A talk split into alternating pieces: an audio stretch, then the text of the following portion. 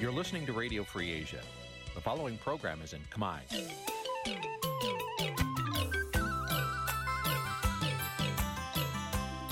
Nǐ chi càm bi tiệp xáy vệt chiu a zì sê ray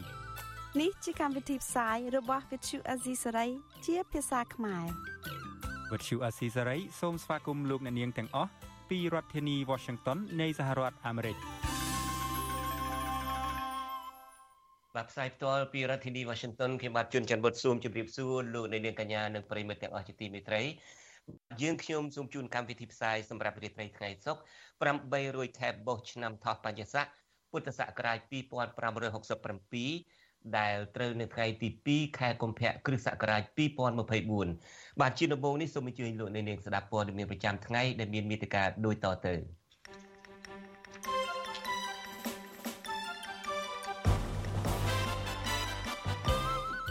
បាទប៉ូលីសថៃបញ្ជូនជនភៀសខ្លួនលោកគង់រាយា និងលោកផនផាណាទៅឃុំខ្លួនជាបណ្ដោះអាសន្ន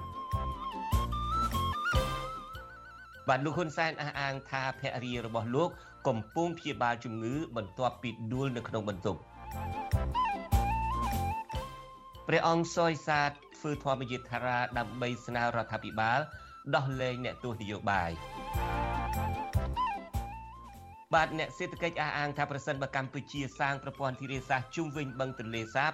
អាចជួយស្ដារសេដ្ឋកិច្ចកសិកម្មដឹកជញ្ជូននិងសេដ្ឋកិច្ចបានប្រសើរជាងគម្រោងប្រែជីកហ្វូណនដៃជោបាទនៅក្នុងនីតិវិទ្យាអ្នកស្ដាប់វិទ្យុអាស៊ីសេរីនេះឱកាសនេះយើងនឹងមានជជែកគ្នាអំពីបញ្ហានេះបាទជាបន្តទៅទៀតនេះសូមអញ្ជើញលោកនាងស្ដាប់ព័ត៌មានទាំងនេះពិស្ដា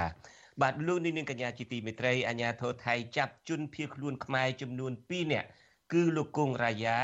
និងលោកផនផាណានឹងបានបញ្ជូនពួកគេទៅឃុំខ្លួននៅប៉ុស្តិ៍ប៉ូលីសថៃនៅរសៀលថ្ងៃទី2ខែកុម្ភៈនេះ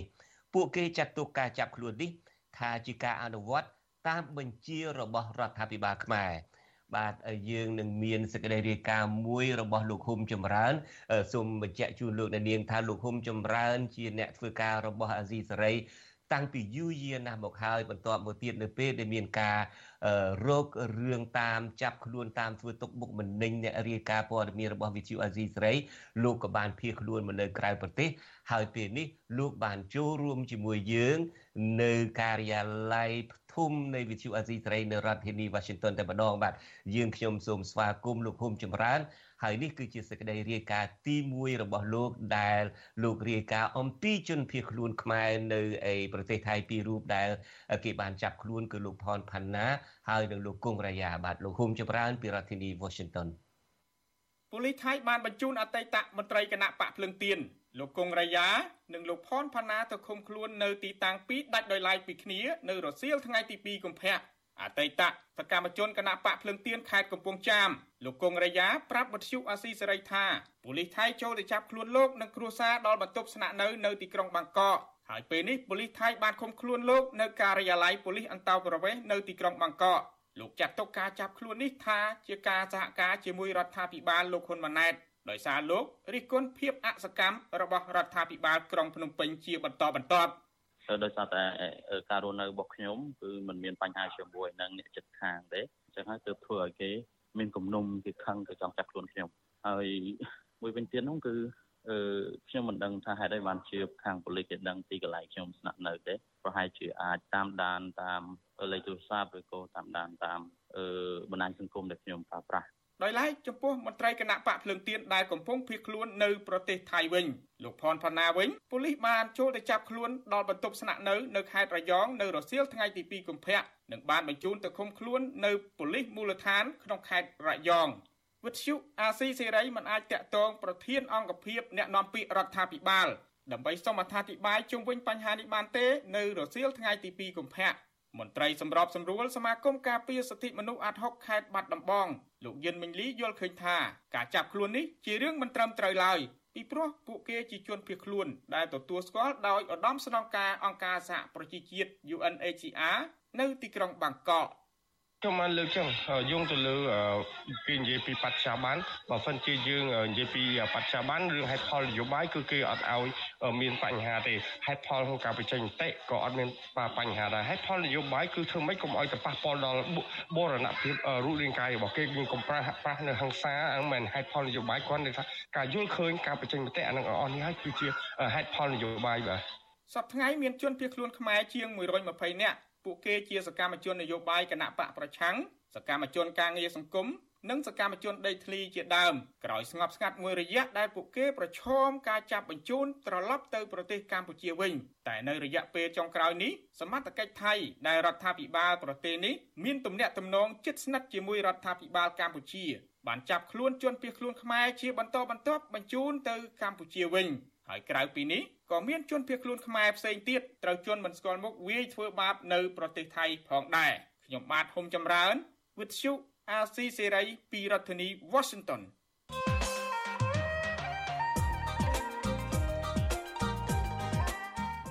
បាទលោកនាងកញ្ញាជាទីមេត្រីអ្នកសេដ្ឋកិច្ចមួយរូបគឺលោកបណ្ឌិតសុកហាជលើកឡើងថាប្រសិនបើប្រទេសកម្ពុជា សាងសង់ប្រព័ន្ធធារាសាស្ត្រនៅជុំវិញបឹងទន្លេសាប វាអាចធ្វើឲ្យមានការកើនឡើងផ្នែកសេដ្ឋកិច្ចកសិកម្មហើយនឹងដឹកជញ្ជូនផងដែរលោកអះអាងថាបើសិនជាសាងសង់ប្រព័ន្ធធារាសាស្ត្រជុំវិញបឹងទន្លេសាបនេះការចំណាយប្រាក់ក៏មិនសូវជាអស់ច្រើនឬមួយក៏ចំណាយប្រាក់ប្រហាក់ប្រហែលទៅនឹងគម្រោងព្រែកជីកហ្វូណនរបស់ចិននោះ បាទនាបីបន្តិចទៀតនេះលោកនៅនាងនឹងបានស្ដាប់ការបកស្រាយផ្ទាល់តែម្ដងពីបណ្ឌិតសុកហាជបាទសូមអញ្ជើញលោកនៅនាងរងចាំតាមដាននិងចូលរួមក្នុងនីតិវិទ្យាអ្នកស្ដាប់វិទ្យុអាស៊ីសេរីនាពេលបន្តិចទៀតនេះហ្នឹងហើយយើងអាចនិយាយចឹងក៏បានតាមពិតយើងមានឯកសារគ្រប់គ្រាន់បាទយើងយើងជែកគ្នានឹងពឹងផ្អែកទៅលើឯកសារដែលយើងមានបាទហើយក៏ពឹងផ្អែកទៅលើសម្ដី របស់រដ្ឋមន្ត្រីមួយរូបបាទដែលយើងគិតថាឧបនាយករដ្ឋមន្ត្រីឧបនាយករដ្ឋមន្ត្រីមួយរូបដែលយើងគិតថាយកជាការបានបាទយកជាការបានបាទកម្ពុជាយើងបច្ចុប្បន្ននេះគឺបញ្ហាគ្រឿងញៀននេះវាលុកខ្លាំងមែនទែននៅក្នុងសង្គមកម្ពុជា អឺពីដើមឡើយមកគឺថាគ្រឿងញៀននេះសម្បូរតែនៅក្នុងទីក្រុងឬមួយក៏ទីប្រជុំជនទេជាពិសេសនៅរាជធានីភ្នំពេញប៉ុន្តែបច្ចុប្បន្ននេះគឺថាបានរីករាលដាលរហូតទៅដល់តាមខេត្តខណ្ឌជនបទអីហ្នឹងគឺថាពេញនឹងទាំងអស់ស្រុកស្រែចំការកន្លែងណាក៏ដោយក៏មានគ្រឿងញៀនដែរគ្រឿងញៀនដែរហើយក៏មានប្រជាពលរដ្ឋខ្មែរយើងហ្នឹងជាជាពិសេសយុវវ័យហ្នឹងបាទនាំគ្នាប្រើ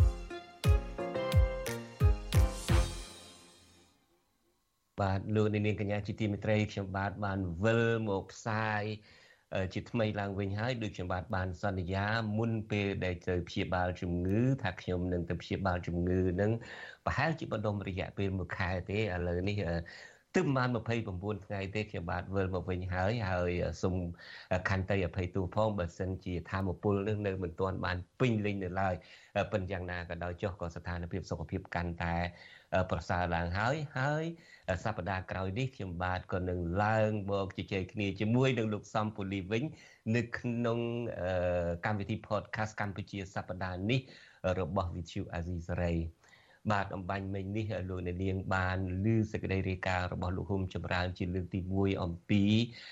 ការដែលជនភៀសខ្លួនខ្មែរនៅប្រទេសថៃ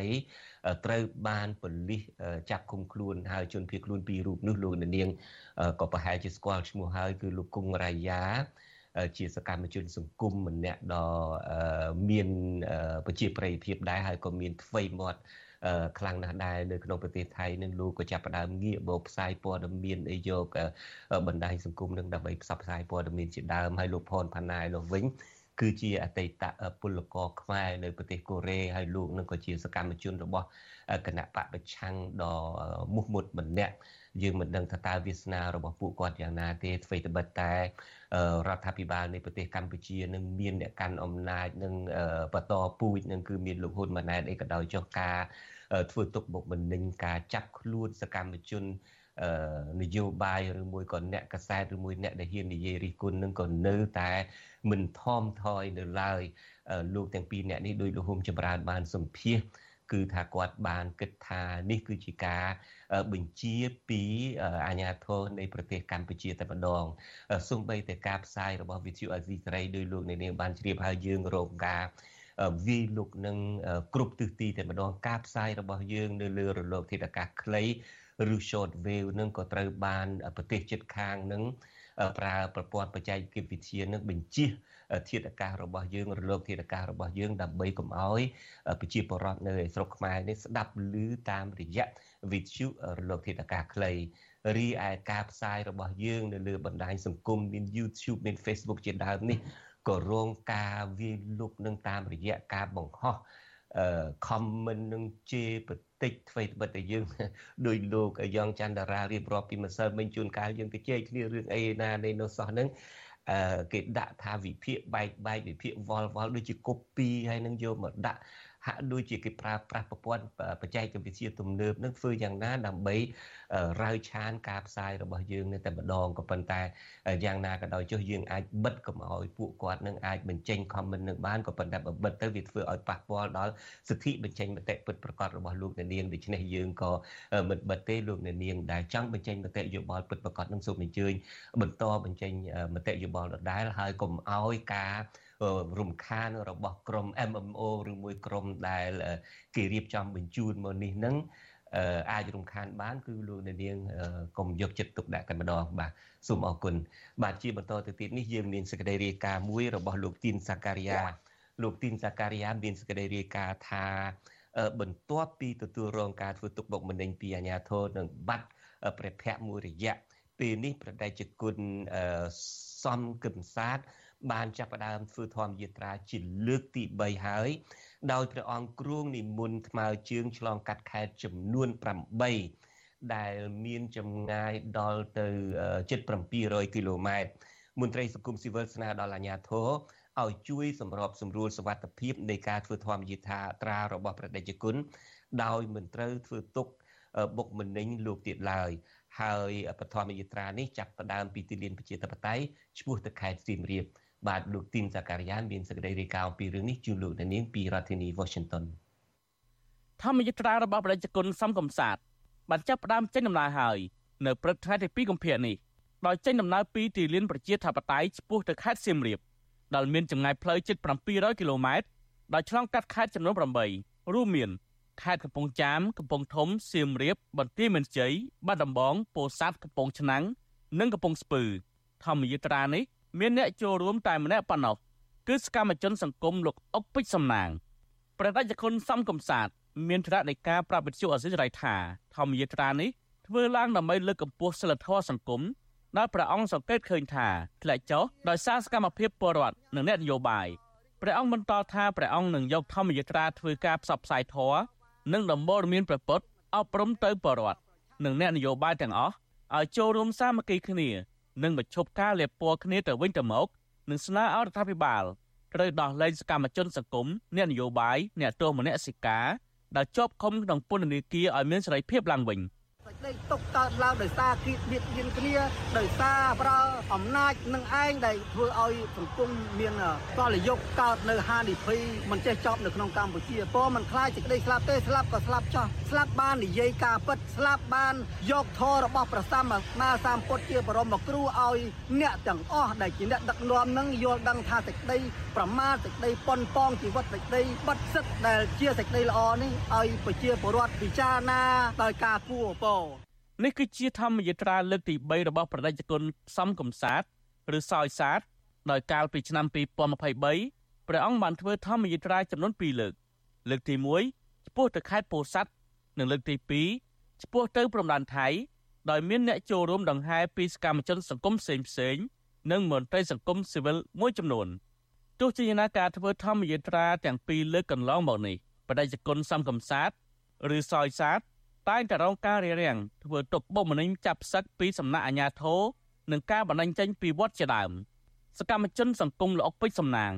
ដែលធ្វើធម្មយាត្រាជាមួយព្រះអង្គសោយសាទបានលើកបដាដោយមានខ្លឹមសារថាធម្មយាត្រាលើកកម្ពស់សិលធម៌សង្គមលោកបញ្ជាក់ថាធម្មយាត្រាដើរថ្មីជើងនេះអាចប្រើរយៈពេលជាង1ខែកន្លះដោយសារលោកនិងព្រះអង្គសំកំសាទមានវ័យចំណាស់ដែលអាចនិមន្តថ្មើរជើងបានត្រឹមតែ20គីឡូម៉ែត្រប៉ុណ្ណោះក្នុងមួយថ្ងៃ ហើយធម្មយាត្រានេះអាចជួបឧបសគ្គដោយសារការរំខានពីសំណាក់អាជ្ញាធរនៅតាមតំបន់មួយចំនួនអញ្ចឹងខ្ញុំបាទសរសេរសារនេះក្នុងដំណោះស្រាយមួយគឺផ្ញើទៅដល់អាជ្ញាប័ណ្ណនៃអាជ្ញាធររដ្ឋនិងសមត្ថកិច្ចនិងតុលាការជាពិសេសលោកហ៊ុនម៉ាណែតផ្ទាល់ដើម្បីទាមទារឲ្យដោះលែងសកម្មជនជនដែលសកម្មក្នុងការងារតស៊ូក្នុងហេតុផលនយោបាយក៏ដូចហេតុផលសង្គមលោកអុកពេជ្រសំណាងគឺជាអតីតអ្នកទស្សនយោបាយធ្លាប់ជាប់ពន្ធនាគារចំនួន3លើក រួចមកហើយ គឺនៅចន្លោះឆ្នាំ1580ហើយកាលពីឆ្នាំ2014លោកត្រូវបានចាប់ខ្លួនម្ដងទៀតក្រោមហេតុផលចូលរួមការតវ៉ាដើម្បីទាមទារសិទ្ធិសេរីភាព និងលើកចុងក្រោយលោកត្រូវតុលាការរាជធានីភ្នំពេញសម្រេចប្រន្ទាទោសដាក់ពន្ធនាគារពី7ទៅ20ឆ្នាំពីបទដឹកនាំកុបកម្មនិងចូលរួមធ្វើបាតកម្មទោះជាយ៉ាងណាមិនខុសពីធម្មយាត្រាកាលពីលើកមុនមុនឡើយការចាប់ផ្ដើមធម្មយាត្រាលើកនេះគឺមានអាជ្ញាធរស៊ីវិល ដែលឃ្លាំមើលផងដែរប្រជាជនសំកំសាទពេលនេះបានចូលសម្រាកនៅផ្ទះបរដ្ឋស្ថិតនៅក្នុងស្រុកបាធីខេត្តកំពង់ចាមជាមួយគ្នានេះព្រះអង្គក៏ទទួលបានសារតាមបណ្ដាញសង្គមគម្រាមចាប់ខ្លួនព្រះអង្គនៅពេលនិមន្តដល់ខេត្តកំពង់ធំផងដែរពេលនោះព្រះអង្គឆ្លើយតបវិញថាបើចាប់ខ្លួនព្រះអង្គស្រួលទេគឺខលមកលេងព្រះអង្គហើយព្រះអង្គនឹងជួបផ្ទាល់វិទ្យុអសិរ័យមិនអាចតតងអភិបាលខេត្តកំពង់ធំលោកងួនរតនៈ និងអ្នកនាំពាក្យរងនៃក្រសួងមហាផ្ទៃលោកទុយសុខៈដើម្បីសំសួរអំពីបញ្ហានេះបាននៅឡើយទេនៅថ្ងៃទី2កុម្ភៈប្រជាជនសំកំសាទស្នើឲ្យអាជ្ញាធរខេត្តកំពង់ធំឲ្យពិចារណានិងបើកសិទ្ធិសេរីភាពឲ្យព្រះអង្គនិងលោកអុកពេជ្រសំណាងបានធ្វើធម្មយាត្រាដោយសន្តិភាពជាជាងការធ្វើទុកបុកម្នេញព្រះអង្គពីព្រោះព្រះអង្គលះបង់កម្លាំងកាយចិត្តដើម្បីផលប្រយោជន៍សង្គមនិងក្តីមេត្តាចំពោះមនុស្សទាំងឡាយមិនមែនដើម្បីអំណាចលៀបសក្ការៈអ្វីនោះឡើយ ខ្ញុំបាទទីនសាការីយ៉ាស៊ីសេរីប្រធានីវ៉ាស៊ីនតោនបាទលោកនាងកញ្ញាជាទីមេត្រី បន្ទាប់ពីលេចលឺព័ត៌មានតាក់ទងទៅនឹងបញ្ហារបស់ភរិយារបស់លោកនាយករដ្ឋមន្ត្រីហ៊ុនសែនដែលថាកំពុងតែឈឺហើយព្យាបាលនៅមន្ទីរពេទ្យកាល់ម៉ែតនោះ ថ្ងៃនេះលោកហ៊ុនសែនបានចេញមុខមកអះអាងថាប្រពន្ធលោកនឹងគឺអ្នកស្រីប៊ុនរ៉ានីហ៊ុនសែននឹងពិតជាដួលសន្លប់ ហើយកំពុងព្យាបាលជំងឺនៅមន្ទីរពេទ្យមែនបាទយើងប្រកុលនីតិនេះជូនលោកសេកបណ្ឌិតរាយការណ៍ជូនលោកអ្នកនាងពីរដ្ឋធានី Washington អតីតនាយករដ្ឋមន្ត្រីលោកហ៊ុនសែនឲ្យដឹងតាមរយៈទំព័រ Facebook នៅថ្ងៃទី2ខែកុម្ភៈថាកាលពី4ថ្ងៃមុនភរិយារបស់លោក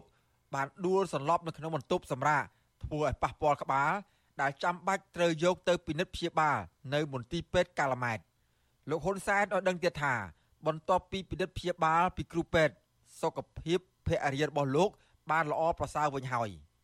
តែមិនទាន់អាចចាក់ចេញពីមន្ទីរពេទ្យនៅឡើយទេព្រោះត្រូវរងចាំការថតក្បាលជាលើកទី3ដើម្បីមើលសរសៃដែលរងការប៉ះទង្គិចនោះអតីតនាយករដ្ឋមន្ត្រីនិងជាប្រធានគណៈបកកណ្ដាលអំណាចរូបនេះឲ្យដឹងទៀតថាគិតមកត្រឹមថ្ងៃទី2ខែកុម្ភៈភរិយារបស់លោក កំពុងសម្រាប់ព្យាបាលនៅក្នុងមន្ទីរពេទ្យកាល់ម៉ែត ដោយមិនបានបញ្ជូនទៅសង្គ្រោះព្យាបាល នៅក្រៅប្រទេសនោះឡើយនេះបើតាមការអាងរបស់លោកហ៊ុនសែនទោះយ៉ាងណាលោកហ៊ុនសែនមិនទាន់បង្ហាញរូបភាពភរិយារបស់លោក ដែលបានធូរស្រាលពីរបួសវិញ នៅពេលនេះនៅឡើយទេ លោកត្រឹមតែបង្ហោះរូបចាស់មួយសន្លឹករបស់លោក ជាមួយភរិយាប៉ុណ្ណោះការចេញមុខបកស្រាយពីបញ្ហាសុខភាពរបស់ភរិយារបស់លោកនៅពេលនេះបន្ទាប់ពីលោកហ៊ុនសែននិងកូនកូនរបស់លោក បានរក្សាភាពស្ងៀមស្ងាត់ មិនបកស្រាយពីបញ្ហាសុខភាពអ្នកស្រីប៊ុនរ៉ានីទោះជាមានសារព័ត៌មាននិងបណ្ដាញសង្គមមួយចំនួនបានផ្សព្វផ្សាយពីបញ្ហាសុខភាពរបស់អ្នកស្រីប៊ុនរ៉ានីយ៉ាងណាក្តីលោកហ៊ុនសែនក៏អរព្រះគុណដល់ព្រះមហាក្សត្រីនរោត្តមមុនិនាថសីហនុដែលយាងទៅសួរសុខទុក្ខភរិយារបស់លោកដល់មន្ទីរពេទ្យផងដែរលោកហ៊ុនសែនក៏ឆ្លៀតឱកាសនេះស្នើទៅអ្នករិះគន់ដែលលោកហៅថាពួកអាក្រក់ឲ្យបញ្ឈប់នៅការបំពុលព័ត៌មាន រឿងបញ្ហាសុខភាពភរិយារបស់លោកវត្តសុអាស៊ីសេរីនៅពុំទាន់ឲ្យសុំការបោះស្រាយពីប្រធានអង្គភិបអ្នកណែនាំពាក្យរដ្ឋាភិបាលលោកប៉ែនបូណាអ្នកណែនាំពាក្យនាយករដ្ឋមន្ត្រីលោកមាសសុភ័ណ្ឌនិងអ្នកនាំពាក្យគណៈបកប្រជាជនកម្ពុជាលោកសុកអេសានបាននៅឡើយទេនៅថ្ងៃទី2ខែកុម្ភៈអ្នកស្រីប៊ុនរ៉ានីដែលមានវ័យ70ឆ្នាំមិនដែលបង្ហើបឲ្យដឹងជាសាធារណៈថា អ្នកស្រីមានជំងឺអ្វីនោះទេទោះយ៉ាងណាលោកហ៊ុនសែនធ្លាប់មានប្រសាសន៍ថា ភរិយារបស់លោក មានបញ្ហាចង្កេះខ្ញុំបាទសេកបណ្ឌិតវត្តជូអាស៊ីសេរីពីរដ្ឋធានីវ៉ាស៊ីនតោនបាទលោកនាងកញ្ញាទើបតែបានស្ដាប់ព័ត៌មានប្រចាំថ្ងៃដែលជម្រាបជូនដល់ខ្ញុំបាទជួនច័ន្ទបុតពីរដ្ឋធានី Washington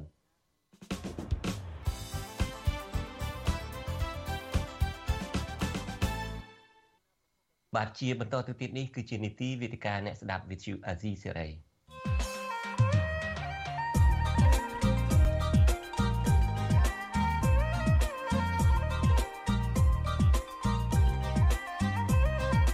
វេទិកាអ្នកស្ដាប់វិទ្យុអាស៊ីសេរី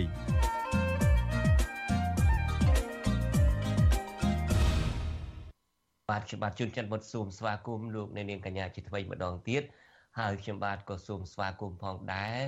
ដល់លោកបណ្ឌិតសុកហាជដែលជាអ្នកសេដ្ឋកិច្ចដ៏ល្បីឈ្មោះមួយរូបនៅប្រទេសកម្ពុជាបាទខ្ញុំបាទសូមជម្រាបសួរលោកបណ្ឌិតសុកហាជបាទ បាទប្រហែលជាយើងនៅមិនទាន់ភ្ជាប់លោកសុកហាជបាននៅឡើយក៏ប៉ុន្តែក្រុមការងាររបស់យើងកំពុងតែព្យាយាមតាក់ទងមុននេះហាក់ដូចជាភ្ជាប់បានម្ដងហើយប្រធានបទដែលយើងលើកមកទៅចែកគ្នាពេលនេះដោយលោកដែលនាងបានជ្រាបហើយលោកនាយករដ្ឋមន្ត្រីហ៊ុនសែនអតីតនាយករដ្ឋមន្ត្រីហ៊ុនសែននឹងបានព្រមព្រៀងគ្នាឲ្យអ្នករកស៊ីចិននឹងមកជីកព្រែកមួយដែល លោកដាក់ឈ្មោះថាព្រែកជីកហ្វូណនដៃជូហើយព្រែកជីកនេះគឺជីកពីម្ដុំអីខាងលើនេះអីក្បែរក្បែរភ្នំពេញនេះឆ្លងកាត់ខេត្ត3 4មានខេត្តតកៅមានអីជាដើមហ្នឹងទៅដល់សមុទ្រតែម្ដងហើយព្រែកជីកនេះគឺដូចខ្ញុំបាទបានជម្រាប គឺជាចិនក្រុមហ៊ុនចិនរកស៊ីទេគេមកអឺបណ្ដាក់ទុនដើម្បីរកស៊ីនេះក្រោម គម្រោងមួយដែល គេហៅកាត់ជាភាសាអង់គ្លេសថា BOT B នេះមកពីពាក្យថា bill O នេះមកពីពាក្យថា operate ហើយ T នេះមានន័យថា transfer bill operate and transfer មានន័យថាក្រុមហ៊ុនឯកជននឹងគេសាងសង់រួចហើយ គេ operate មានន័យថាគេរកស៊ីហើយបន្ទាប់ពីគេរកស៊ីអាចចំណេញអាចរួចទុនរបស់គេហើយ ក៏គេ transfer ក៏គេបកគលឲ្យកម្ពុជាវិញប្រហែលជាម្ដុំ99ឆ្នាំអីចឹងទៅទម្រាំនឹងគេប្រគល់ឲ្យកម្ពុជាវិញគម្រោងព្រែកជីកនេះរងការរិះគន់ជាច្រើនពីសំណាក់អ្នកដែលតាមដានបញ្ហានៅកម្ពុជា ទី1គឺគេគិតថាគម្រោងនេះវាជាគម្រោងរបស់ក្រុមហ៊ុនឯកជនចិន ហើយមិនប្រកាសជាផ្ដល់ផលប្រយោជន៍ឯណាច្រើនដល់ប្រទេសកម្ពុជាទេ ក្រៅពីនោះនោះការសិក្សាអំពីផលប៉ះពាល់បរិស្ថាននឹងក៏ហាក់ដូចជាអ្វីត្បិតតែខាងរដ្ឋាភិបាលអះអាងថាគេសិក្សាអស់រយៈពេល2ឆ្នាំក្នុងការសិក្សាពីផលប៉ះពាល់អីក៏ដោយចុះក៏មកដល់ពេលនេះនឹងក៏នៅតែព្រួយបារម្ភថា វាអាចប៉ះពាល់ដល់មច្ឆាជាតិដល់ផលិតផលត្រីអីនឹងជាដើមហើយនឹងមានបញ្ហាមួយចំនួនទៀតអំពីប៉ះពាល់ដល់ការដែលចិនរកស៊ីក្រុមហ៊ុនឯកជនរកស៊ីនេះមិនដឹងតើតើគេនឹងដំឡើងថ្លៃបែបណាហើយតើវាផ្ដល់ ប្រកាសជាផ្ដល់សេដ្ឋកិច្ចកំណើនសេដ្ឋកិច្ចដល់ប្រទេសកម្ពុជាឬមួយក៏ផ្ដល់ប្រាក់ចំណេញដល់ចិននេះជាដើមហើយនៅក្នុងនីតិវេទិកាអ្នកស្ដាប់វិទ្យុអាស៊ីសេរីនេះឱកាសនេះយើងមានលោកបណ្ឌិតសុកហាជលោកមានទស្សនៈមួយផ្សេងទៅវិញលោកថាប្រសិនបើរដ្ឋាភិបាលយកចិត្តទុកដាក់ក្នុងការសាងប្រព័ន្ធធារាសាស្ត្រជុំវិញបឹងទន្លេសាបឯនោះវិញ វាអាចនឹងផ្ដល់ឲ្យមានការដឹកជញ្ជូនតាមផ្លូវទឹកផង វាអាចផ្ដល់ដល់ការងារកសិកម្មដល់អ្នកស្រុកដែលរស់នៅជុំវិញបឹងទន្លេសាបផងហើយវាជួយដល់កំណើនសេដ្ឋកិច្ចផង បាទនេះគឺជាប្រធានបទនៃកិច្ចពិភាក្សារបស់យើងនាឱកាសនេះហើយក្រុមជាងបានប្រាប់មកថាឥឡូវនេះយើងភ្ជាប់លោកបណ្ឌិតសុកហាយបានហើយខ្ញុំបាទសូមជម្រាបសួរលោកបណ្ឌិតសុកហាយពីចម្ងាយបាទបាទជំរាបសួរបាទ បាទសុខសប្បាយទេលោកលោកបិទសុខហាយបាទសុខសុខបាទសប្បាយប៉ុន្តែហត់តិចពីព្រោះយើងកំពុងតែរៀបចំការបោះឆ្នោតព្រឹទ្ធសភាដូច្នេះយើងមានការមិនមានយើងតិចហើយខ្ញុំសប្បាយចិត្តណាស់ឃើញលោកយើងកាំងលោកសុកហាជវិញបាត់ទៅហើយបាទលោកសុកហាជឬខ្ញុំបាទអីទេបាទ បាទសេវាថ្ងៃនេះមិនសូវជាល្អប្រសិនបើមិនឃើញវីដេអូលោកសុកហាជឬតែសំឡេងក៏ប្រហែលជាអាចធ្វើឲ្យសេវានឹងល្អជាងពីព្រោះកិច្ចពិភាក្សារបស់យើងនេះសំខាន់លោកបណ្ឌិតសុកហាជបានលើកឡើងអំពីថាលោករវល់ណាស់ ពីព្រោះមុនពេលដែលរៀបចំបោះឆ្នោតព្រឹទ្ធសភាផងលោកសុកហាជអ្វីបិទតែមានជំនាញជាអ្នកសេដ្ឋកិច្ចក៏ប៉ុន្តែពេលនេះលោកក៏ជាប្រធានគណៈបកនយោបាយមួយដែរគឺគណៈបកឆន្ទៈខ្មែរលោកសុកហាជឮខ្ញុំវិញឬនៅបាទបាទជំរឿជំរឿច្បាស់ណាស់ប៉ុន្តែខាងខ្ញុំទេបើទៅដូចមានបញ្ហាបច្ចេកទេសអឺហាក់ដូចជាសំឡេងរៀងទាំងទាំងជា អត់អីទេនៅពេលដែលយើងមិនលឺមិនឃើញវីដេអូសំឡេងល្អវិញហើយលោកសុកហាជមុននឹងរៀងទៅជែកគ្នាអំពីបញ្ហាសេដ្ឋកិច្ចបញ្ហាកសិកម្មអីមួយចំនួនជាពិសេសការលើកឡើងរបស់លោកសុកហាជតកតងថាគេគួរតែយកចិត្តទុកដាក់ក្នុងការសាងសង់ប្រព័ន្ធធារាសាស្ត្រជុំវិញ បឹងទន្លេសាបនេះដែលហេតុថាលោកសុកហាជបានលើកឡើងមុនគេមកហើយថាលោករៀងរវល់បន្តិចមុននឹងការបោះឆ្នោតព្រឹទ្ធសភានេះខ្ញុំបាទសូមសួរតាក់ទងនឹងរឿងនឹងបន្តិចទៅមុននឹងទៅជែកគ្នាអំពីរឿងសេដ្ឋកិច្ចអំពីរឿងកសិកម្មអីហ្នឹងថ្មីថ្មីនេះលោកសំរងស៊ីនឹងបានបញ្ចេញសារជាលើកចុងក្រោយមួយទៀតជាជាលើកទី2មួយទៀតបានអំពាវនាវឲ្យគណៈបក2ដែលលោកអឺ ថាជាគណៈបកប្រជាធិបតេយ្យហ្នឹងគឺថាអឺប្រហែលជាលោកសម្ដៅទៅគណៈបកកម្លាំងជាតិហើយនឹងគណៈបកឆន្ទៈខ្មែររបស់លោកសុកហាញនេះតែម្ដង ថាឲ្យកុំប្រជែងគ្នាក្នុងការឈរឈ្មោះបោះឆ្នោតព្រឹទ្ធសភានេះអីក្នុងចំណោមមណ្ឌលឬមួយក៏ភូមិភាគទាំង8ហ្នឹងលោកសំរៀងស៊ីលើកឡើងថា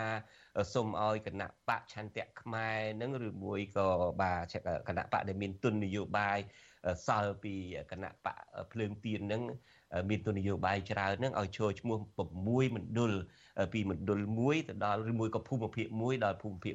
6ហើយភូមិភាគ7ដល់ភូមិភាគ8ហ្នឹងឲ្យគណៈបក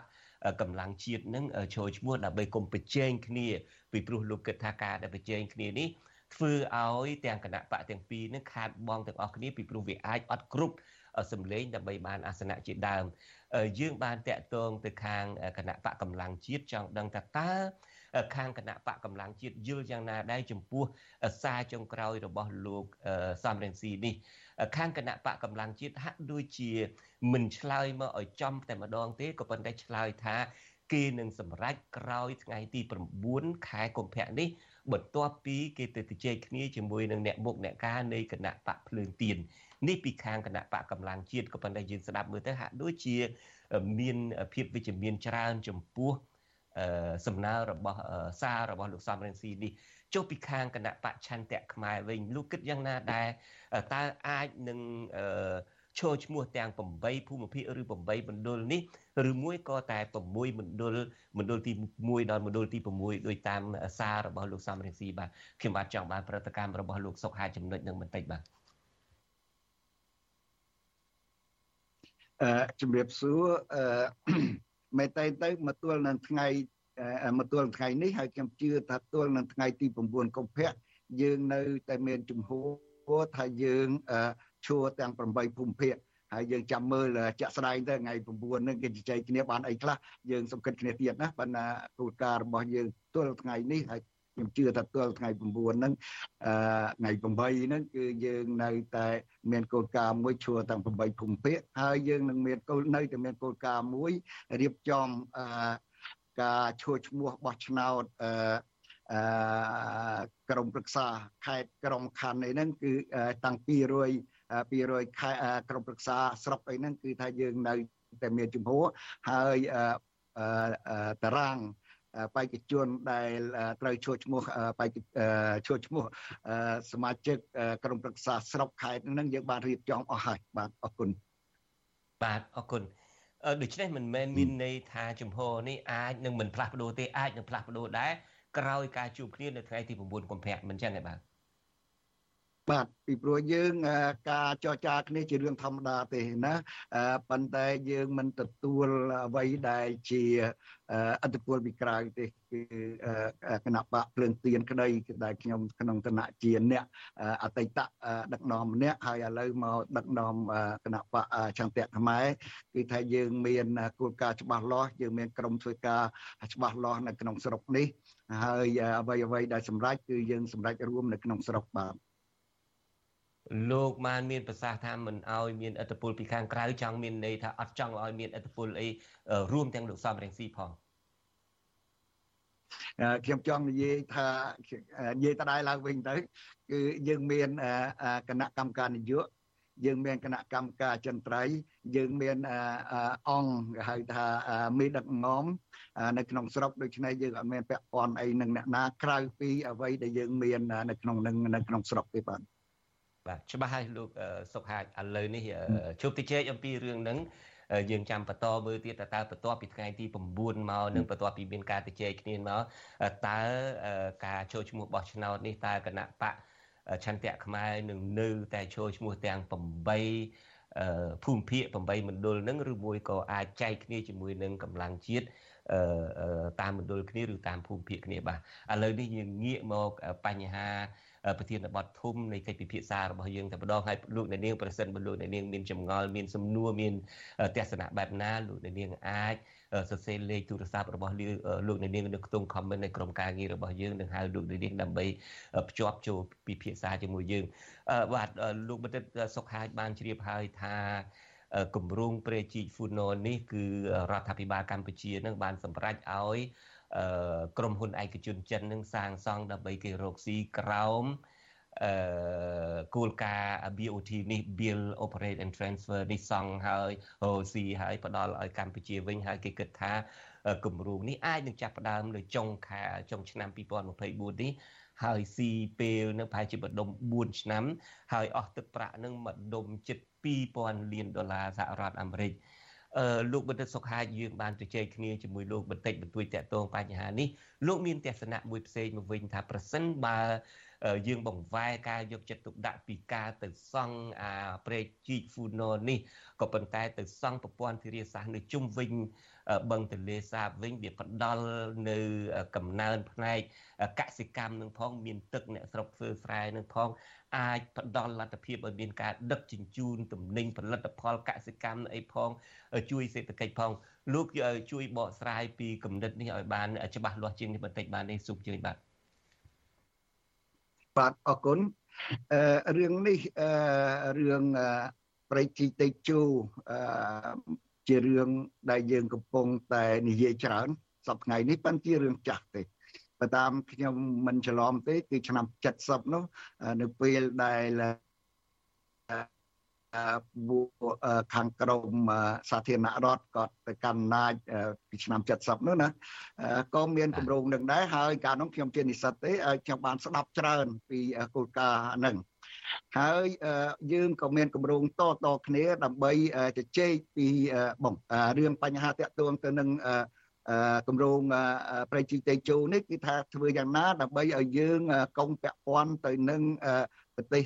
ជិតខាងខាងត្បូងយើងនឹងណាអានឹងគឺជាគោលការណ៍មួយហើយគោលការណ៍នេះខ្ញុំគ្រប់គ្រងគោលការណ៍នេះខ្ញុំគ្រប់គ្រង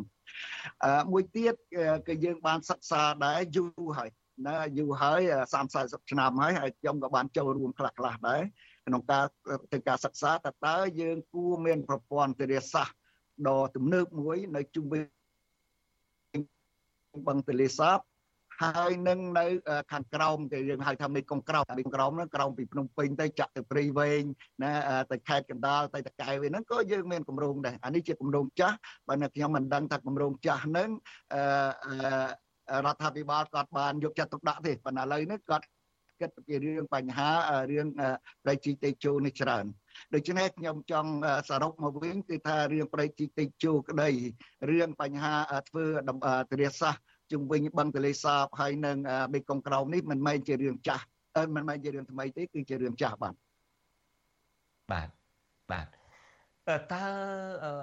គិតជាអត្ថភាពទៅវិញលោកបណ្ឌិតសុកហាជលើកឡើងហើយថាគម្រោងប្រេជីកដែលគេហៅឈ្មោះថាប្រេជីកតេជូហ្វូណនហ្វូណនតេជូនេះក៏ជាគម្រោងមានចាស់តាំងពីម្ដុំឆ្នាំ70អីសម័យលន់នល់អីនោះមកហើយគម្រោងដែលមានប្រព័ន្ធធារាសាស្ត្រជុំវិញបឹងទន្លេសាបនោះក៏ធ្លាប់ទៅជែកធ្លាប់សិក្សានឹង តាំងពីយូរអង្វែងមកហើយដែរក៏ប៉ុន្តែពេលនេះរដ្ឋាភិបាលបានសម្រេចថាឲ្យក្រុមហ៊ុនឯកជនចិននឹងចាប់ផ្ដើមសាងសង់នៅចុងឆ្នាំនេះហើយចំពោះលោកសុកហាជវិញគម្រោងចាស់ចាស់ទាំងពីរនេះថាតើបើពិចារណាមើលទៅមួយណាជាអត្ថភាពជាងមួយណាអាចមានប្រយោជន៍ជាង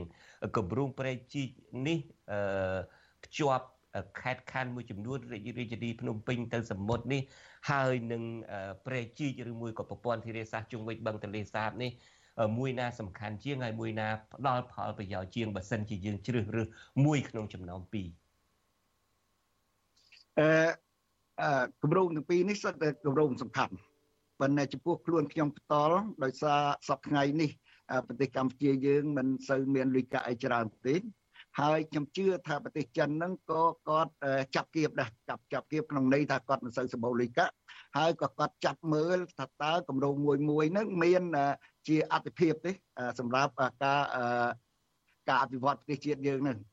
ហើយដូច្នេះមិនមែនតែខ្ញុំផ្ទាល់ទេខ្ញុំជឿថាប្រទេសចិនសប្តាហ៍ហ្នឹងមានការផ្លាស់ប្ដូរមួយចំនួនក្នុងរបៀបរបបគិតគូរផ្ដល់ជំនួយមកប្រទេសផ្សេងផ្សេងមិនមែនតែប្រទេសខ្មែរទេគឺក្នុងពិភពលោកហ្មង ប្រទេសចិនហ្នឹងគឺចាប់រសើបនៅពេលដែលទានថាជំនួយគាត់ហ្នឹងជាជំនួយដែលយកមកដើម្បីឲ្យប្រទេសមួយចំនួនដែលទទួលជំនួយហ្នឹងវ៉ាន់កមានបញ្ហាសេដ្ឋកិច្ចបញ្ហាស្អីស្អីហ្នឹងណាដូច្នេះខ្ញុំនិយាយជំនួសខាងខាងចិនបន្តិចទៅគឺថាគេក៏ចាប់ផ្ដើមមើលរឿងអស់ហ្នឹងហើយបើតាមខ្ញុំដឹងគឺ មានពួកសវនករពីចិនមកគេចាប់មើលគម្រោងនៅស្រុកខ្មែរយើងនឹងដែរអានេះតាមលឺលរៀងមកទេណាប៉ុន្តែបើសានបើតាមខ្ញុំយល់ពីរឿងឋានៈពិភពលោកដែលខ្ញុំតាមដានរាល់ថ្ងៃហ្នឹងគឺថាប្រទេសចិនគេចាប់គៀបចាប់គៀបគ្រប់គ្នាអញ្ចឹងដូច្នេះគឺថាយើងមានបញ្ហាតាក់ទងទៅនឹងកម្រិតលុយកាក់ដែលយើងអាចយកពីប្រទេសចិន នៅក្នុងករណីនឹងតតាបើសិនជាយើងមាន2000លានពីប្រទេសចិនមកឬក៏ប្រទេសផ្សេងទៀតមកយើងគួរធ្វើអនាមុនណាចំពោះខ្ញុំគឺច្បាស់លាស់ហើយចំពោះគណៈបកឆន្ទៈខ្មែរចុះយើងនិយាយព្រោះក្នុងឋានៈជាជាជាប្រធានគណៈបកនេះខ្ញុំយល់ថាគួរចាប់ផ្ដើមរឿងរឿងទរិសាសន៍សិន ហើយរឿងទរាសាស្ត្រជុំវិញទលេសាបហើយនៅមេគង្គក្រោមនេះតម្លៃវាមិនលើសពីប៉ុនលានធ្វើរដ្ឋាភិបាលសប្តាហ៍ថ្ងៃគាត់ចង់ធ្វើជីកប្រៃជីកតេជោហ្នឹងហើយដូច្នេះយើងមើលទៅហើយបើសិនជាយើងជីកហៅថាធ្វើប្រព័ន្ធទរាសាស្ត្រជុំវិញបឹងទលេសាបវាអត់មានអីពិបាកខ្លាំងខ្លាណាទេពីព្រោះសម័យអង្គរមកហ្នឹងតាំងពីនោះមកគឺយើងមានប្រព័ន្ធទរាសាស្ត្រហើយប៉ុន្តែប្រព័ន្ធទរាសាស្ត្រហ្នឹងបានចោលយើងចោលហ្នឹងក្នុងរយៈពេល500ឆ្នាំ ណា500ឆ្នាំតាំងពីអង្គរធ្លាក់មកហ្នឹងគឺថាយើងអត់បានវិវលទេអឺហើយប្រព័ន្ធទន្លេសាស្ត្រសម័យយើងពីមុននោះគឺថាមានតាំងពីជុំវិញបឹងទន្លេសាបអឺមេគង្គក្រោមហើយនឹងទឹកដីកម្ពុជាក្រោមតែម្ដងហើយប្រទេសវៀតណាមគេលឿនគេឆ្លាតវាយជាងយើងគេពេលដែលគេរំដោះ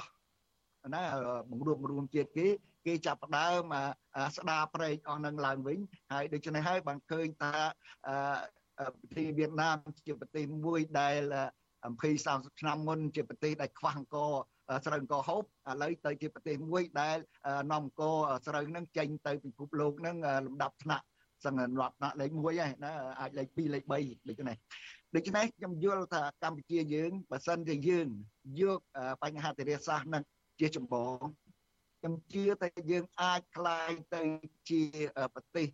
នាំចេញស្រូវអង្គនឹងដ៏ខ្លាំងក្លាណាមិនអន់ជាងវៀតណាមមិនអន់ជាងប្រទេសថៃអីប្រហែលទេ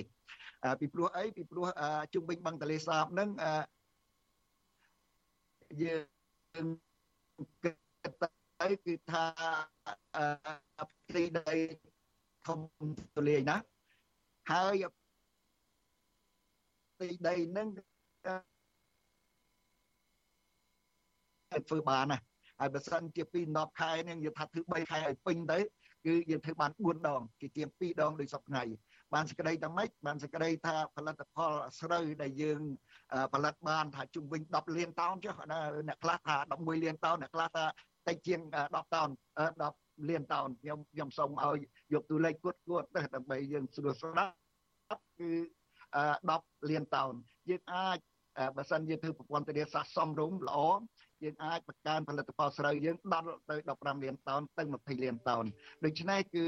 ខ្លាំងខ្លាណាស់ហើយ15លានតោនទៅ20លានតោនហ្នឹងក្នុងរយៈពេលតែ2 3ឆ្នាំយើងអាចយកផលចំណេញមកវិញស្មើនឹង2000លានដែលយើងចាយបាទបាទបាទតើគម្រោងនេះអឺលោកបណ្ឌិតសុកហាជនឹងធ្លាប់បានលើកឡើងអឺ ដើម្បីជំរុញឲ្យមានការចាប់អារម្មណ៍អីដែរទេឬមួយក៏យ៉ាងណាដែរអ្វីត្បិតតែលោកបានលើកឡើងថាគម្រោងនេះធ្លាប់មានតាំងពីអតីតកាលមកក៏ដោយចុះក៏ប៉ុន្តែលោកដែលបានបំផុសគំនិតនឹងដែរទេហើយតើមានប្រតិកម្មបែបណាដែរពីអ្នកដែលបានឮអំពីការបំផុសគំនិតនេះបាទគំនិតនេះខ្ញុំបានលើកឡើងម្ដងម្ដងណាប៉ុន្តែជាមួយជាអ្នកស្រាវជ្រាវតែ វាគេពិភពលោកក្តីស្អីក្តីប៉ុន្តែពួកនោះឮតែ1000 2000លានគេឈប់និយាយរំដោយណាឥឡូវសម័យនេះគេគេយើងឃើញណាប្រទេសចិនប្រទេស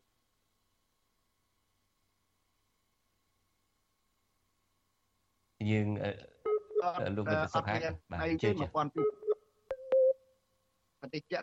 ប្រទេសចិនក៏គាត់មានការផ្លាស់ប្ដូរនយោបាយដែរណា ដូចមួយគិតតែពីឲ្យខ្ចីទៅឲ្យមាននេះឥឡូវគាត់ចាប់គិតគាត់ចង់បានមុខមាត់របស់គាត់ដែរតាមខ្ញុំបាទមិនច្រឡំទេណាម្ដងម្ដងដែរមេដឹកនាំក្រៅផ្លូវការខាងចិនហ្នឹងគេស្វាគមន៍គំនិតដែលធ្វើអភិវឌ្ឍជនបទនេះ អភិវឌ្ឍជនបទខ្នាតធំមិនមែនអភិវឌ្ឍជនបទ10 20លានណាធ្វើផ្លូវលំតូចតាចទេគេចង់ចិនព្រោះគេជាមហាយៈគេចង់ឲ្យធ្វើអីមួយគឺជាជាគេហៅថាសមត្ថផលធំហ្មងដើម្បីគេមុខមុខមកគេដែរហើយដូច្នេះយើងមិនបាច់ចាំធ្វើអីណាដែលលក្ខណៈធំខ្ញុំសុំទីទានតិចចុះណាឲ្យសុំអត់ទុកពីថ្នាក់ដឹកនាំយើងបើសិនជាយើងធ្វើប្រៃជីកណាយើងអត់ទាន់មានផលិតផលគ្រប់គ្រាន់ បីឲ្យប្រៃជីកនឹងបានប្រើប្រាស់ឲ្យវាគេហៅថាទូលំទូលាយទេទូលស្រាប់ឃើញកណូតមួយយូរយូរឃើញកណូតមួយឆ្លងកាត់អានឹងមិនកើតទេហើយយើងត្រូវបើសិនជាយើងអានឹងយើងឲ្យសហគ្រាសឯកជនចិនក៏ដោយអាមេរិកកាំងក៏ដោយណាក៏ដោយមកធ្វើរកស៊ីគេមើលឃើញគ្រប់គ្នាគេថាចំណេញវាមិនរួចទេ វាចំណេញវាមិនរួចទេណាដូច្នេះវាមានរឿងបញ្ហាបច្ចេកទេសខាងផ្នែកអរញ្ញវត្ថុផងដែលมันគួរយើងទៅយកលុយយកកាក់ទៅធ្វើប្រព័ន្ធនឹងទេយើងដឹងថាប្រព័ន្ធនេះធ្វើតាមរបៀប BOT នោះគឺ50ឆ្នាំ100ឆ្នាំនោះមិនតាន់រួចខ្លួនទេតម្លៃនឹងស្អីនឹងណាប្រេកជីកមួយមិនមែនប្រេកជីកដែល ដែលគេហៅថាដូចប៉ាណាម៉ាឬក៏ចិនក៏ចង់ចិនអីវាថៃក៏ចង់ធ្វើអីមួយដែលកណូតធំធំឆ្លងកាត់នឹងបន្តកទុយគ្នានោះទេវាវាវាអត់ចឹងទេណាដូច្នេះអានេះគឺថាខ្ញុំថាគិតពីរឿងបញ្ហាសេដ្ឋកិច្ចផងគិតពីបញ្ហាអតិភិបផងគឺយើងគួរតែធ្វើរឿងបញ្ហាអភិវឌ្ឍជនបទនៅជុំវិញបឹងទលេសាបហើយនៅខាងមេគង្គក្រោមយើងនេះ ដើម្បីឲ្យបានរីកចម្រើន គ្រប់គ្នាដូចខ្ញុំនិយាយមិញអញ្ចឹងគឺថាទី3 4ឆ្នាំខ្ញុំថា5ឆ្នាំទៅមួយអាណត្តិណា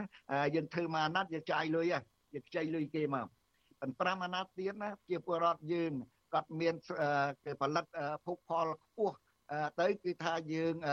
យើងប្រមូលប្រមូលពួនដាមកវិញមិនមែនយកពួនលើអាការផលិតផលរបស់គាត់ទេប៉ុន្តែពេលដែលគាត់មានបាន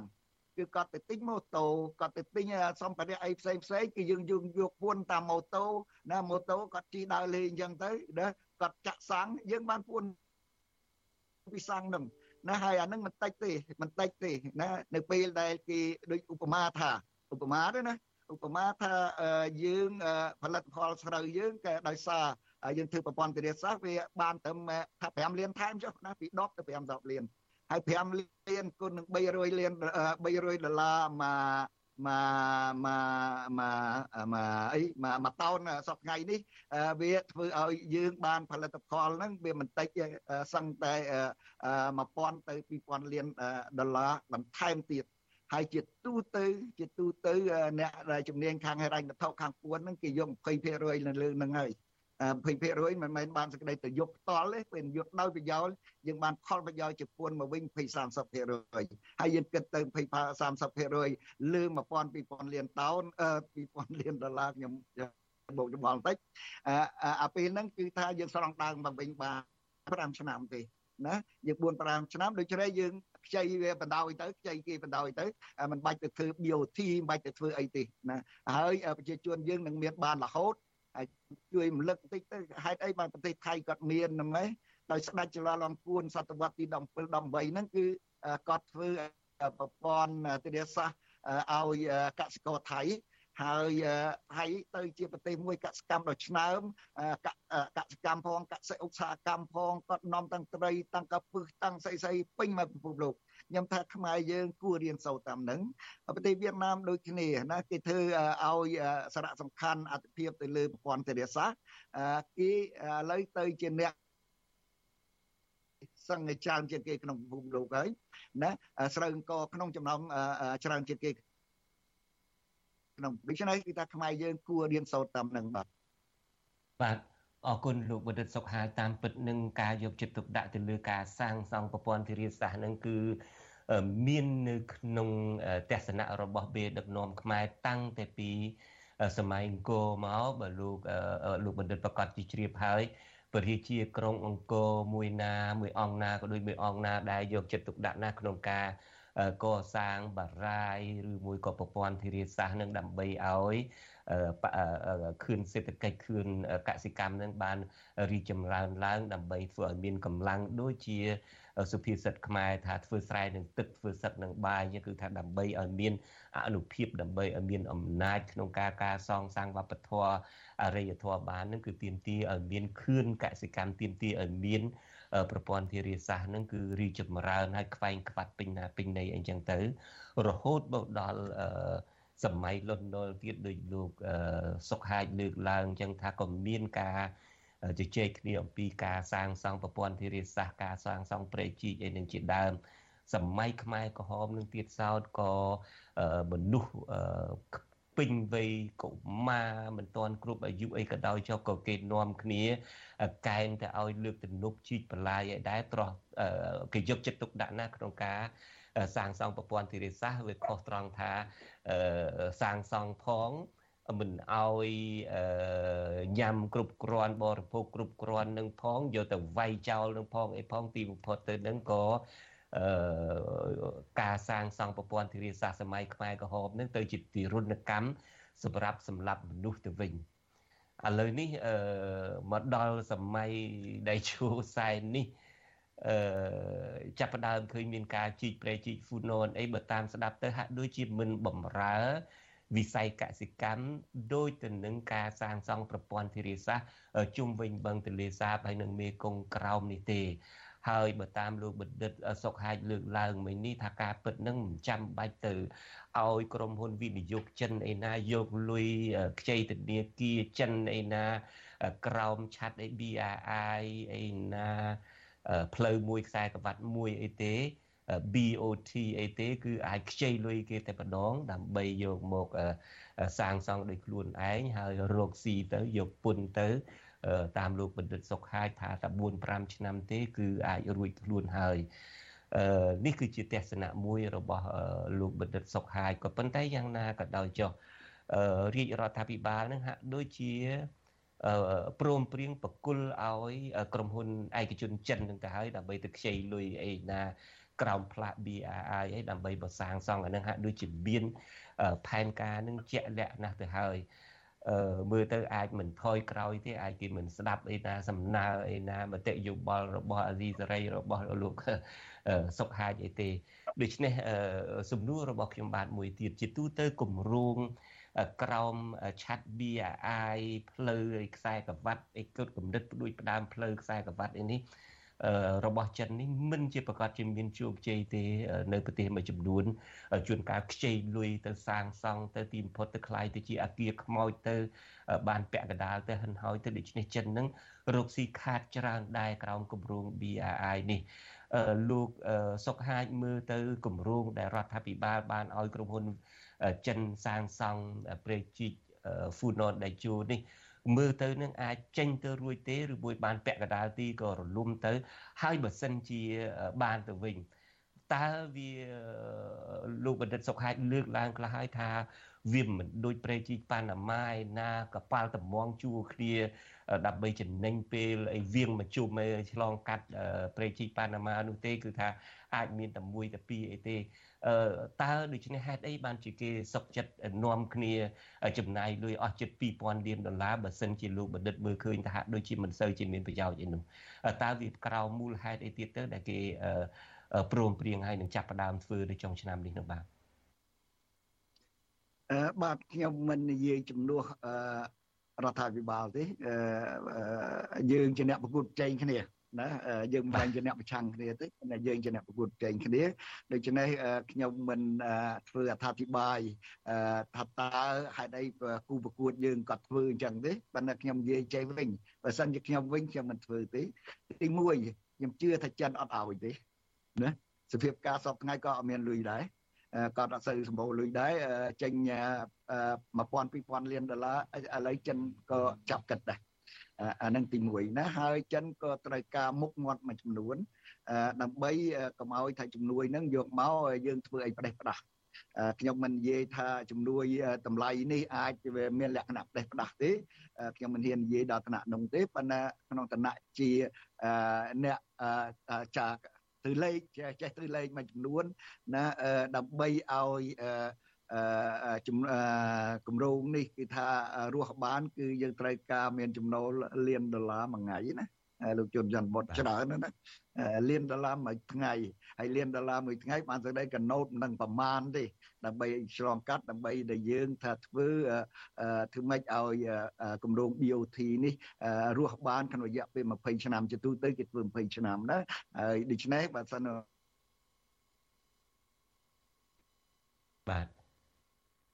20ឆ្នាំបើសិនជាសង់អស់2000លានដុល្លារតើមួយឆ្នាំមួយឆ្នាំនឹងរកបានរាប់មួយថ្ងៃ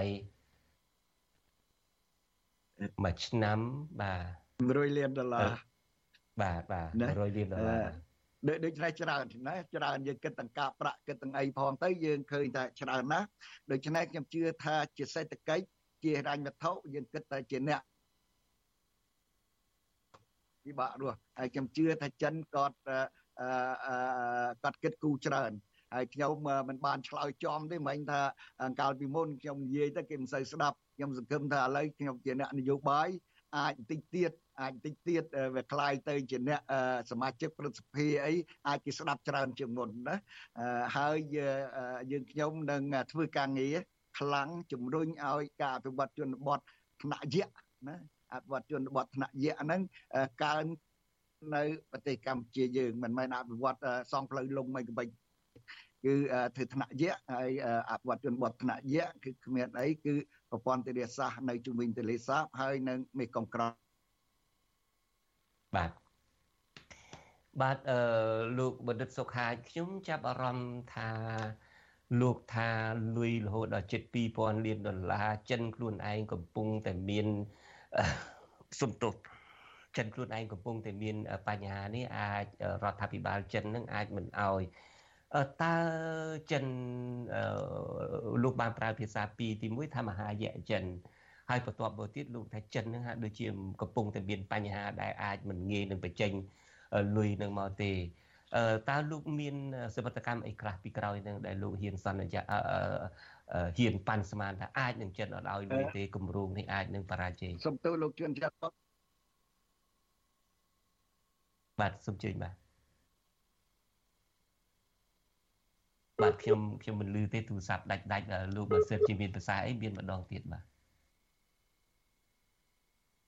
បាទខ្ញុំនៅមិនទាន់ឮលោកបណ្ឌិតសុខហាជសូមទោសលោកអ្នកស្ដាប់ផងដែរ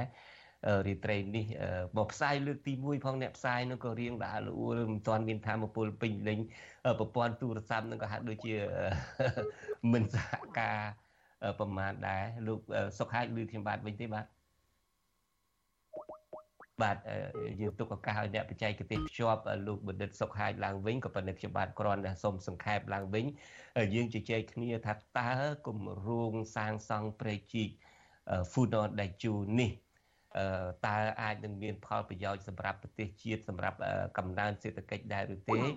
ចំពោះលោកបណ្ឌិតសុខហាជបើខ្ញុំមិនច្រឡំទេលោកថាមិនសូវជា មានប្រយោជន៍ឯណាណាទេហើយជាពិសេសទៅទៀតនឹងរដ្ឋាភិបាលចិននឹងអាចនឹងមិនទម្លាក់លុយរហូតដល់រាប់ពាន់លានដុល្លារឲ្យក្រុមហ៊ុនឯកជន ដើម្បីប្រសាងសង់ទេពីព្រោះថាអាចនឹងពិបាកនឹងរកស៊ីបើតាមលោកបណ្ឌិតសុកហាជថាព្រែកជីក food note ដែលជួនេះមិនជាមានកប៉ាល់ឯណាតំងជួគ្នាដឹកទំនិញឯណាចេញចូលដើម្បីគេអាចរកប្រាក់កម្រៃបានរាប់រយលានដុល្លារក្នុងមួយឆ្នាំមួយឆ្នាំដើម្បីឲ្យទូទាត់ទៅនឹងថ្លៃសាងសង់អស់រាប់ពាន់អត់ជិត2000លានដុល្លារនោះទេគេជាងប្រាប់ថាយើងបានភ្ជាប់លោកបណ្ឌិតសុខហាយវិញហើយលោកចង់មានប្រសាសន៍អីសូមជឿចុះបាទសំទោសខ្ញុំ ខ្ញុំខ្ញុំដាច់នៅពេលដែលលោកមានប្រសាសន៍ថាចង់និយាយរឿងពីរហ្នឹងក៏ខ្ញុំដាច់បាត់ទៅឥឡូវសូមលោកសាស្ដើមសាដើមឡើងវិញបន្តិចបានទេទៀតបាទខ្ញុំគ្រាន់តែសង្ខេបជូនលោកអ្នកស្ដាប់ថាអឺខ្ញុំទៅជែកជាមួយលោកបណ្ឌិតសុខហាជហើយលោកបណ្ឌិតសុខហាជថាប្រទេសចិននឹងប្រហែលជាមិនអាចឲ្យខ្ចីលុយផងទេពីព្រោះថាគម្រោងនោះវាអស់ដល់តែរាប់ជិត2000លានដុល្លារឯណោះ ហើយខ្ញុំគ្រាន់តែចង់សួរលោកបណ្ឌិតថាតើលោកមានសមត្ថកម្មអីខ្លះពីព្រោះមើលទៅនឹងហាក់ដូចជារដ្ឋាភិបាលអះអាងថាការសិក្សាអំពីផលប៉ះពាល់នោះក៏សិក្សាអស់រយៈពេល2ឆ្នាំហើយហើយផែនការអីដទៃទៀតនោះក៏រៀបចំរួចហើយហើយចុងឆ្នាំនេះអាចនឹងចាប់ផ្ដើមសាងសង់ផងស្រាប់តែលោកបណ្ឌិតសុខហាយថាអាចនឹងមិនដំណើរការបានដែលហេតុរដ្ឋាភិបាលចិនអាចនឹងមិនទម្លាក់លុយមករហូតដល់2000លានដុល្លារនេះតាមលោកមានសមត្ថកម្មអីខ្លះពីព្រោះថា ជួនកាលលោកបានប្រើពាក្យថាមហាយៈចិនមើលទៅដូចជាមហាសេដ្ឋកិច្ចនឹងសម្បើមណាស់ហើយមួយខាងទៀតនឹងលោកថាដូចជាកំពុងតែមានចិននឹងកំពុងមានបញ្ហារឿងថាវិការនេះដែរ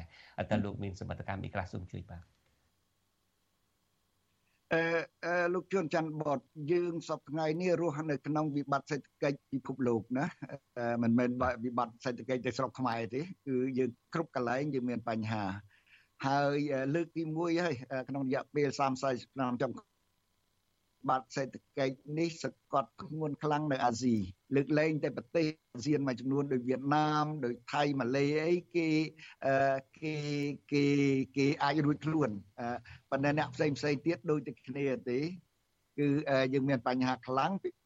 វៀតណាមគាត់អត់សូវមានបញ្ហាទេពីព្រោះសេដ្ឋកិច្ចគេគេរឹងមាំជាងយើងយើងសេដ្ឋកិច្ចយើងវាទន់ខ្សោយ គ្រឹះសេដ្ឋកិច្ចយើងវាទាបហើយខ្សោយហើយដូច្នេះពេលមានវិបត្តិម្ដងម្ដងគឺយើងមានបញ្ហាហើយដូច្នេះអញ្ចឹងបានថាដោយសារមានវិបត្តិនេះហើយយើងឃើញរដ្ឋាភិបាលក៏សន្យាថាស្ពានអីណាតាចាស់មកបុកអីជួយចង្វាចេញពីជួយចង្វាបុកទៅអានេះបុកទៅនោះវាអត់ចេញទេវាអត់ចេញទេណាបានសេចក្តីថាក្រងហេរាហេដ្ឋារចនាសម្ព័ន្ធធំធំមួយចំនួន គឺកាំងអស់ហើយ តែមិនមែនមិនមែនតែរឿង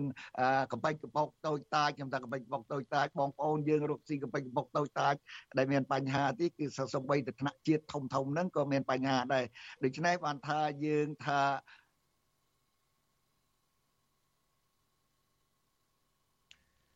បាទយើងដាច់ពីលោកបណ្ឌិតសុខហាយទៀតហើយលោកបណ្ឌិតសុខហាយបាទអឺគាត់យល់ថាអានេះជារឿងរឿងល្អបាទ សូមទោសលោកអ្នកស្ដាប់ផងដែរថ្ងៃនេះយើងមានបញ្ហាសេវាបាទសូមជើញលោកលឺសូវហើយបាទដែលខ្ញុំនិយាយថាយើងឃើញគម្រោងមួយចំនួនយើងចង់ធ្វើណាយើងធ្វើអត់បានទេដោយសារជំនួយបរទេសវាអត់ហើយយើងឃើញអឺអឺថាវិការរដ្ឋឆ្នាំ2024នេះយើងសង្ឃឹមតិចណាស់ ដែលយើងអាចទទួលជំនួយបរទេសបានដូច្នេះអញ្ចឹងបានថាយើងថាអាចថវិកាឆ្នាំ2025អាចវាអាចប៉ុន្តែខ្ញុំថាយើងកុំលឿនពេកបើសិនជាខ្ញុំបាទផ្ទាល់វិញគឺថាខ្ញុំមិនលឿនទេរឿងចំណាយធំធំហ្នឹងខ្ញុំគិតគូរខ្លាំងណាស់យើងខ្ញុំគិតគូរខ្លាំងណាស់តើតើវាផលចំណេញវាបានអីខ្លះហើយយើងខ្ញុំជឿខ្លាំងថាបើសិនជាយើងធ្វើគម្រោងតាក់បិណ្ឌទៅនឹងអភិវឌ្ឍជនបទដែលបាន ជូនផលប្រយោជន៍ផ្ទាល់ទៅដល់ប្រជាពលរដ្ឋសូមនិយាយមួយម៉ាត់ទៀតទៅណា2000លានដុល្លារនេះយើងអាចធ្វើដល់ទៅប្រព័ន្ធធារាសាស្ត្រហើយយើងអាចរុញឲ្យទះ មួយចំនួនកត់ប្រកាសកម្មកែច្នៃស្រូវអង្គកតកសកម្មអីផ្សេងទៀតគឺយើងយើងអាចធ្វើច្រើនណាខ្ញុំបានកំពុងតែសិក្សារឿងបញ្ហាកស៊ូបន្តិច ណាព្រោះកស៊ូយើងគឺថាយើងមានចំណូលអាចរាប់បានប្រហែល500លានដុល្លារមួយឆ្នាំ500ទៅ1000លានដុល្លារមួយឆ្នាំឥឡូវនេះអានឹងដើម្បីបង្កើតឧស្សាហកម្មមួយដើរឲ្យស្រួលហើយយើងមិនបាច់អីណាជាចរលក់ឲ្យប្រទេសជិតខាងទេគឺថាយើងយកចរនឹងមកផលិតកែច្នៃទៅហើយយើងលក់ទៅឲ្យ រោងចក្រកង់ឡាននៅស្រុកខ្មែរនឹងឥឡូវចាប់មានច្រើនឡើងច្រើនឡើងហើយពីព្រោះរាល់ថ្ងៃនោះរោងចក្រកង់ឡានស្រុកខ្មែរដឹងគេធ្វើម៉េចទេគេមករកស៊ីស្រុកយើងគេនាំវត្ថុធាតុដើមពីក្រៅមក